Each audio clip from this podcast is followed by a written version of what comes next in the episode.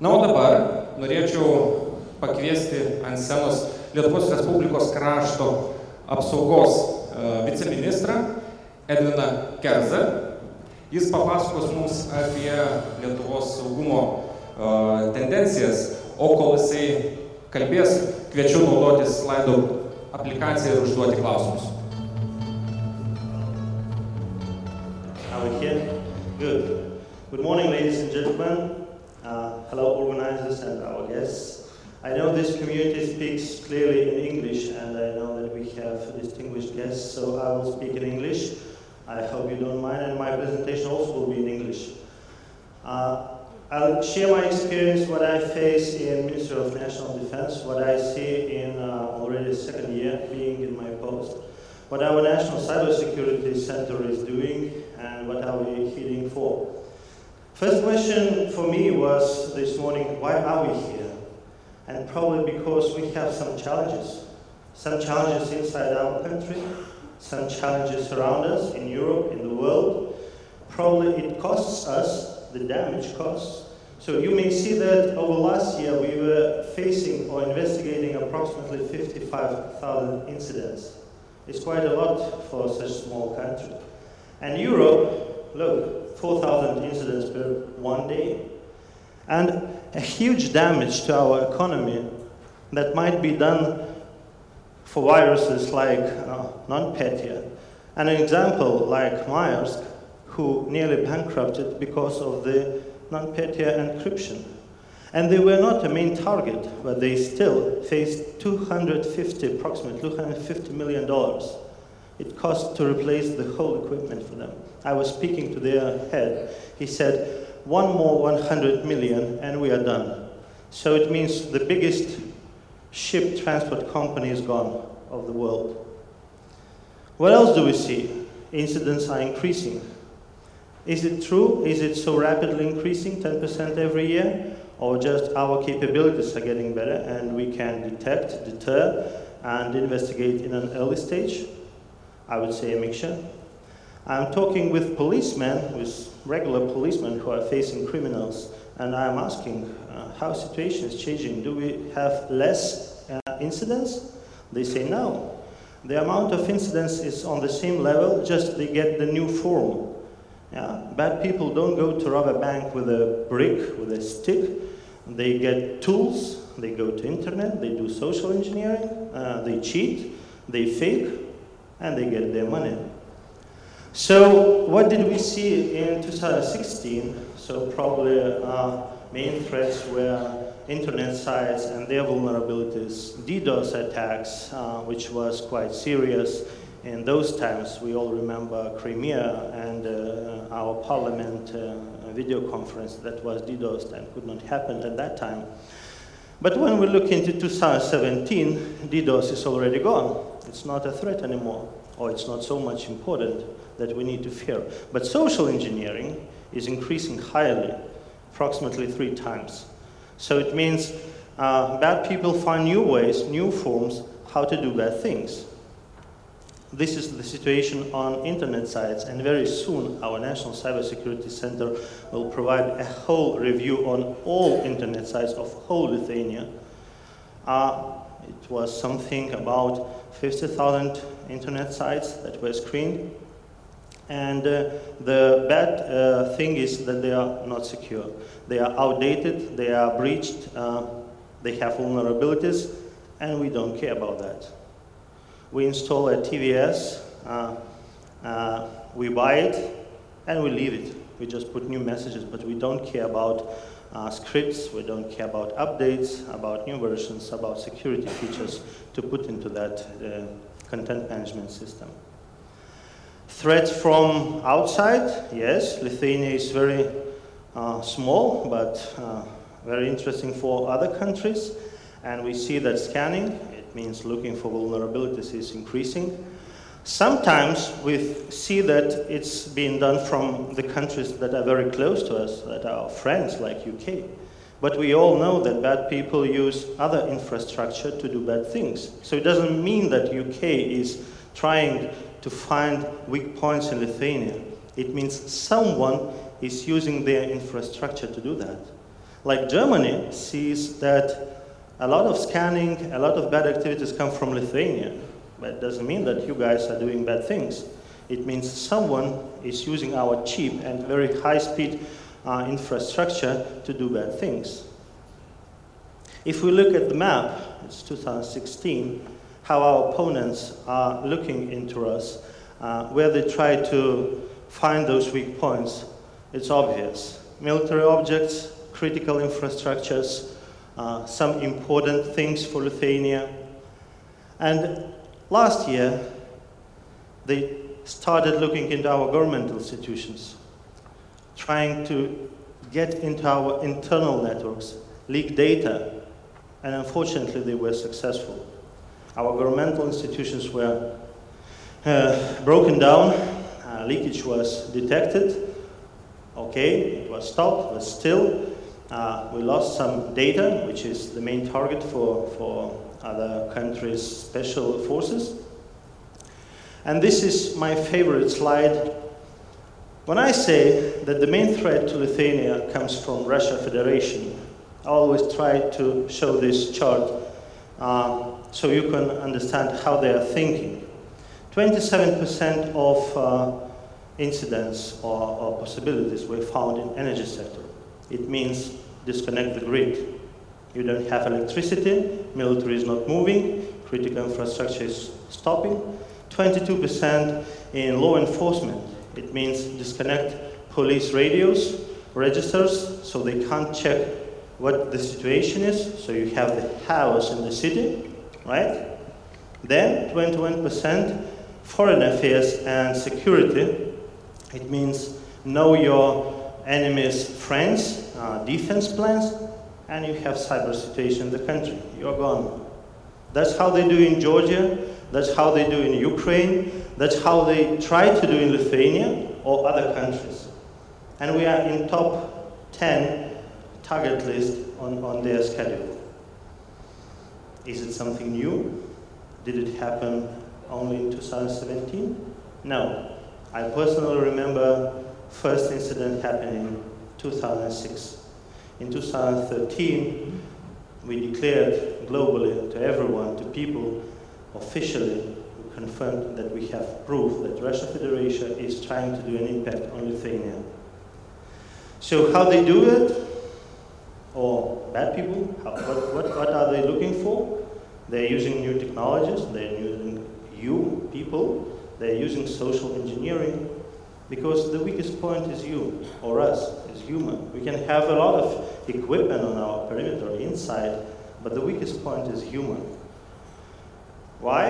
I'll share my experience. I know there are people who were doing this social engineering event in our office. So it was Christmas time, December. Uh, we sent an email saying that you have a parcel arrived, so please provide your uh, name, address, email, and you will get your parcel home. A lot of people thought, yeah, probably someone sent me a parcel, maybe friends or someone else. I did not order it by myself, but why not to provide? I will get a free parcel, yeah? some gift. So they provided some data. It means that people know that your email is active. They know your address. If they look into your Facebook and they see that you went on occasion, they can go and rob your house. Right? So how did people react? Minister of Defense. Are quite paranoid. We are well trained. Right? We were going to NATO. We know security stuff. Really? 2.2% only informed about the threat. And uh, you may see 18.6% open the email. And 9.9% provided personal data. Imagine we have 20,000 people in our office. It's a lot. And there was a case that a guy went to the post office and asked his parcel. Right? Then he came back angry because he was a high rank officer saying what IT people are doing, uh, now I look stupid and so on. Then we repeat it, because we do it regularly, at least one, twice per year. You know that uh, uh, work codex was changing, so we sent another email saying that wages are getting up to military people. Please open a Word document and calculate uh, how much will you get. People opened. The document said, I'm not safe. Do you really want to open me? Yes, of course. Uh, I need to send something from outside. Do you really, really want to, to send it? Sure, I want to calculate my wage. After that, I was asking my friends, my employees, but you are even not a military. Why did you open the email? And work codex has nothing with wages. And email address is a fake. We don't have this domain in our uh, uh, defense uh, any, any area. So this time it was much better, but still, still, of course, 83% were good, but 14% were not good, and 3%, only 3%, remember it was 2.2, only 3% informed us about the threat. I mean, IT people, administrators were informed by only 3% of employees. It means they don't care, they are not well trained, they are not acquainted about the threats. New way of threat that appeared this year from Russian Federation, we call it Koroblis virus. At the beginning of the year, TV3 whole network was hacked. Actually, it was hacked already in 2017, the whole infrastructure, including email server. So, first time in history, we saw that informational attack and cyber attack was made by one, the same uh, group of people, because previously it was made separately. So they used the real email server of TV3. So other email servers thought, okay, it's a safe email. They had a real image and a well translated Lithuanian uh, text saying that our minister is a bad guy. Uh, he's a gay and uh, he's interested in journalists. And they put the real photo of his interview in one of the um, radio stations. And uh, the text was saying that open the document, you will find more, situa- uh, more information about this incident about this situation because it's a scandal in Lithuania. Minister of National Defense is a bad guy. So inside, of course, there was a virus. So journalists, especially journalists who open the email and find this so interesting, they open the file. And I was asking why. And they said, oh, can I not open? Then I will not write any story because I get a lot of emails from unknown people from people who, I, who have some information, who send it to me, then I investigate and write an article. Right? So we need to be aware. So what should we do? And we think we should move in two directions. First is locally in Lithuania. Second is globally with our partners. Uh, at the moment, we chose Europe, European Union, because in NATO format we already have quite good relations. Uh, we have CERTs that are working together. So on national uh, level, we were building legal framework, which was already in place 2015.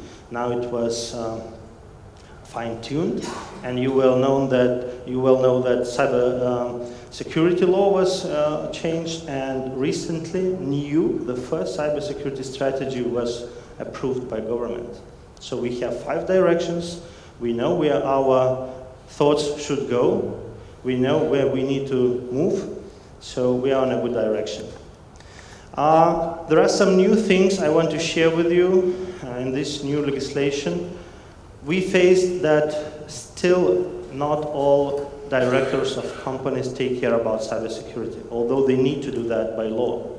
So there will be personal fines for them in case they don't care about that. So they will see that their pocket is getting less, they get less money from their own pocket.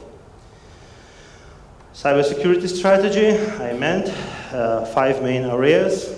First of all, we need to be strong inside, so national capabilities building.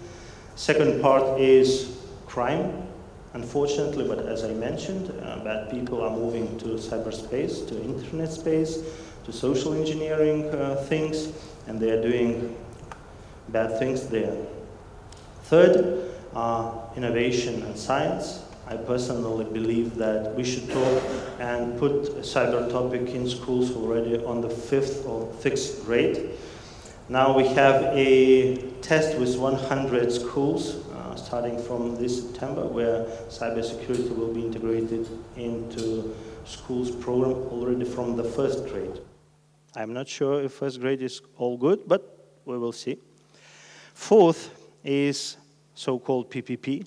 We try to find new ways and forms how we could collaborate and cooperate with uh, business, with our stakeholders in uh, science institutions. So you probably already heard that uh, uh we signed a uh, agreement with main uh, news portals. So it was a concrete project on PPP. We are doing common practice with business. We are doing an international project where we invite all academy and business to get in the project, and I will share that a little bit later. And the fifth uh, is uh, cooperation with our international partners, as I said, EU, NATO, uh, bilateral uh, talks, uh, like with the United States of America, where we are uh, creating and building a regional cybersecurity and competence center in Kaunas which we truly believe uh, will, will take part, a very serious part in our whole strategy because we can't rely only on one city, Vilnius. In case of military actions, we can easily lose this city, so we need to have a backup, a good backup, somewhere in the middle of the country with competence inside, with security operations centers, with technologies and capabilities. So this is the roadmap uh, we've been doing over past one year. So we started from the idea that in Lithuania it is, there are too many institutions uh, responsible for various securities, digital security, cyber security, informational security, physical security, whatever security. So we decided to consolidate that and uh, to have a Minister of National Defense as an umbrella. Why? You will say it's military. No, it's not military. I'm a civilian guy. My departments are civilians. Minister of National Defense is not military. Military is somewhere aside. It's a other organization responsible for military stuff. So we did the whole uh, consolidation, and from this year's uh, 1st of uh, September, we are done. And the only and last job left is a closed governmental network that will be introduced this autumn, and uh, a new wave of discussion will be starting. So this is a short scheme how we are working. Minister, me personally, I'm the guy who is Chief Security Officer in Lithuania at the moment, and my departments that are doing policy and implementation. This is our National Cybersecurity Center, as I mentioned. They solve approximately 55,000 incidents per year, accredit approximately 500 uh, IT systems and networks, and they're doing R&D. This is a new way of informing people about what's happening, and I think it's a very good example because it's not wise to have a classified document under the table and not inform everyone, you, what's happening in, inside Lithuania. So National Cybersecurity Center this year released the second, second report, which was also translated on English, and I will provide a hard copy somewhere around in, in the hall. So this is quite interesting. So if you did not see it, go to nksc.lt and you will find the electronic version or hard copy somewhere outside. EU, as I said, we are moving to EU. We have an idea to create an EU rapid response team. Why it is important? Because we need to solve three things. How legally we could go and help EU institutions in case of crisis. How legally we could help each other, I mean other countries that are inside the EU. And third, how we could help our partners, countries like Georgia or Ukraine, in case of a cyber attack, huge attack on their infrastructure. Today, we cannot. In EU, legally, we cannot because cyber is the fifth domain. It's the same military domain. And if you enter their board, you cannot step on others' countries' land. It's forbidden. So we're working hard on this first step to create the legal framework, to sign MOUs, to change laws, to have everything in place so we can react quickly. Second, do we have enough tools? Or do we have tools that we could use in, in, in case of crisis, common tools? At the moment, no. But every country spends a lot of money. EU spends a lot of money, and idea is let's create unique set of tools that could be set into a box carried by plane deployed inside electricity grid that can help collect evidence, that can help defend. So, timeline. Timeline is going quite well. And uh, this summer, we already signed MOU or letter of intent with countries in Luxembourg. It was on 25th of June. It means countries declared they are working on this project. Uh, we are working hard on this legal framework, and it's also nearly done. And first exercise will start in October. So you may see the countries that already joined the project and uh, countries that are observing it. I'm very glad that we have already nine countries on our boat and four interested in this project. I see the time is leaving. Three, two, one. I'm done, guys. Thank you.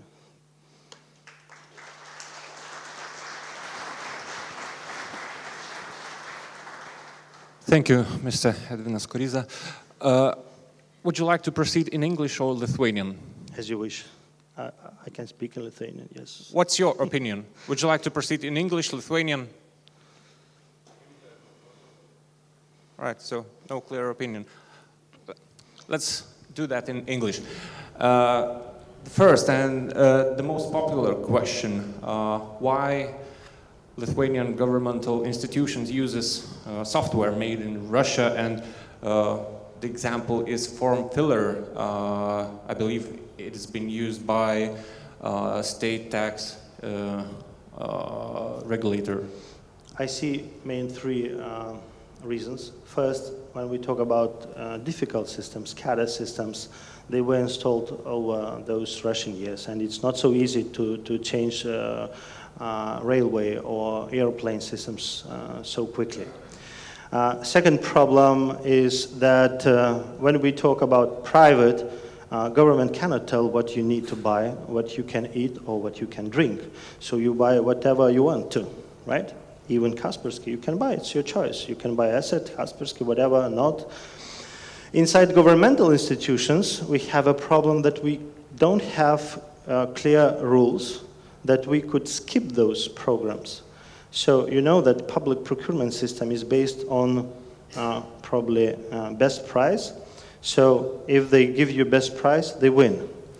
And third, that is a new trend that we figured out is that um, uh, Russian agencies are buying uh, Western countries or their shares, and they take control over those companies. And sometimes we think that it's a safe uh, software. It's made in whatever Switzerland, like one of the brands, but actually it was uh, bought by, by special forces and now it is programmed in St. Petersburg. So these are main uh, reasons that I see. And what, it, are there any uh, uh, measures sure. to uh, tackle sure, this problem? Sure, risk, risk management is being done periodically and with main critical infrastructures. Uh, National Cybersecurity Center is working hardly and they have the concrete plan on how and when they will change uh, the software or hardware also. Uh, on other hand, there are some uh, finance uh, systems inside uh, companies that were isolated, disconnected from open sources, from internet, and they're waiting their, how to say, turn to, to get into the centralized management system that is already opened from 1st of, of July. So government is centralizing global functions like finance, like uh, people, human resources, like lawyers. So when you have uh, one, one uh, new system, which is quite safe, everyone will move to that. All right, thank you. Uh, next question. Um, uh, all right. So sure, I can answer this. Yes, Yes, uh, there, are, there is a concrete sum of money in national budget. Uh, there is a sum of uh, 7 or 8 millions uh, in EU budget. Uh, there are already confirmed 3 millions in United States of America cooperation program, uh, and so on. So, yes. Okay, that's great. next question, please. And there is a $2 million new wave going from EU that everyone can apply yes. on that. Great. Uh, next question is, uh, uh, whose subordinate is uh, data uh, protection officer? Well, I believe to, to at least general manager, at least, uh, or board of directors because it's uh, not wise to have IT and security under one umbrella because you cannot rule and control uh, those two topics or mix them. They need to be separate. And you need to have support of, of main manager because it's too, too important. You need to have people, you need to have finance, you need to have power on decisions. Okay. Uh, just a quick message for the audience. Uh, we'll skip those questions involved with uh, ESET uh, because our presenter is not uh, uh, employee of ESET and, and he can't answer the, those questions. But those questions will be answered after the uh, next question we'll talk about is what is the de definition of cyber incident in Lithuania? Uh, is it um, oh. did a uh, cyber attack uh, critical infrastructure?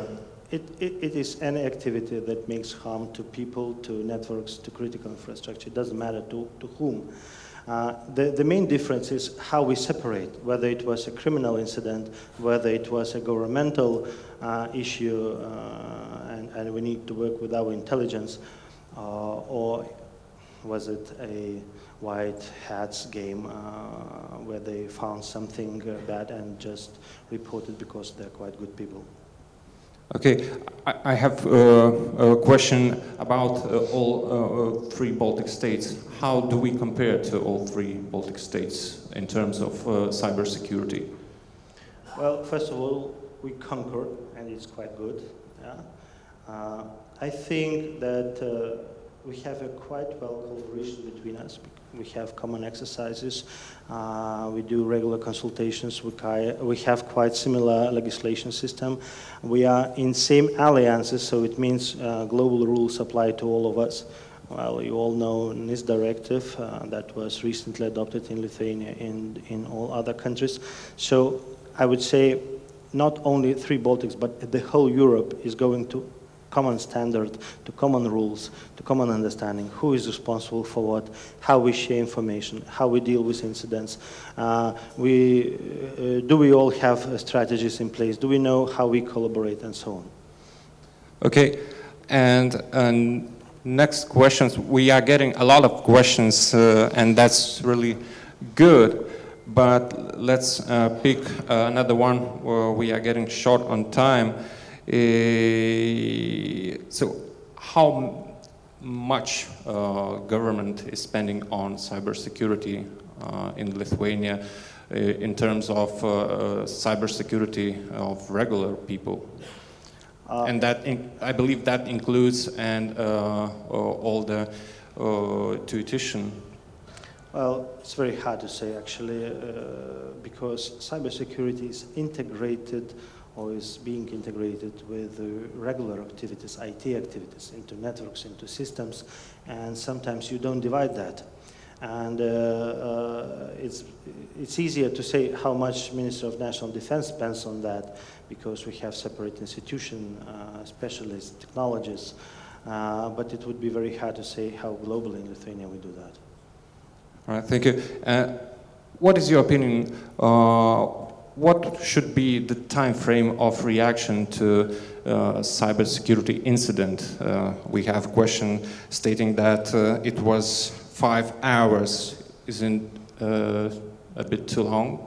Well, it depends on incident. I remember once we were trying to reach administrators two days because it was weekend and we could not get them from the bed and make them go to office and try solve the incident. So uh, it depends, I would say, but it also depends on incident type. If it is a, I don't know, social engineering email that was detected that arrived to the email server, but it is Saturday and no one is working, so probably it's all good if if we just wait until Sunday when the administrator comes and uh, just uh, blocks that email. But if uh, critical infrastructure, SCADA system is being hacked, so five hours is too long, too long. You need to react proactively. And you are doing some uh, implementations to improve yes. that? Yes, of course. Uh, if we could go down to the legal legislation, we have a special methodology how we define what is critical inside critical. because we truly believe that it's not possible to defend everyone inside the country. We should concentrate on most critical, most valuable uh, uh, infrastructures. And in those infrastructures, uh, the law says we need to implement uh, technology solutions like those sensors who are working 24 hours per day, who are um, providing online immediate uh, information about uh, detection of the threats, and people who are also working 24/7 are monitoring and reacting. Okay, and the last question. Um, which sector in uh, Lithuania is more secure, public or private, and why?